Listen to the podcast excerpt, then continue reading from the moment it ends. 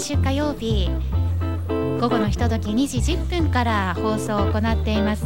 FP タナちゃんマンのハッピーライフインデックス。今日もね、えー、すぐにこうお出かけいただけそうな役立つお話を届けていただきましたけれども詳しくねこの番組ではいろんな、えー、例えばマネーに関するものもあり不動産に関するものもあり生命保険だとかあとは何かの雑学とか本当バラエティーに富んだお話をタナちゃんマンと一緒にお届けしていますけれども。さあ棚橋さんにも、はい、もう少しちょっと登場していただけるということで。はい、はい、すみません。お願いいたします。はい。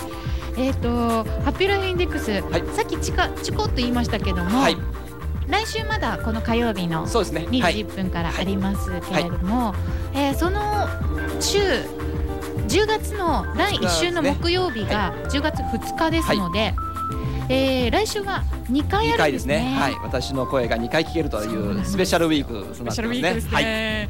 はい。です、はい、えー、来週は、えー、今日と同じこの時間、はい、火曜日の2時10分から、ハッピーライフインデックス、はい、このスタジオですね、浜松のスタジオで、ぜひあのサテライトスタジオなんで、ね、最後の放送ですよね。この浜島から、最後ですね。タナちゃんマンの最後の放送となりますので、会いに来てください。はい、サインもしていただけますか？はい、お任せください。サイン考えなくちゃいけませんね。あるんじゃないですか？考えます。はい。はい。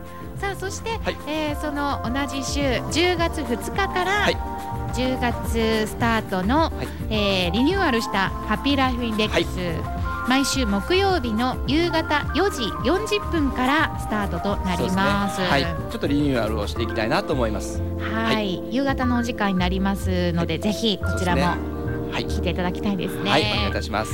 はい、毎週木曜4時40分から FP タナちゃんマンハッピーライフインデックス10月2日スタートです。お聞き逃しなく。はい、お願いいたします。タナちゃんマン今日はありがとうございました。はい、こちらこそありがとうございます。また来週はい、お願いいたします。失礼いたします。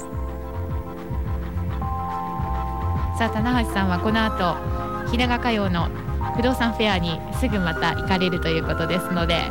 えー、そちらにも皆さんぜひ棚橋さんにも会いにそして不動産の気軽な相談などをしにお出かけください。夕方5時まで行われています。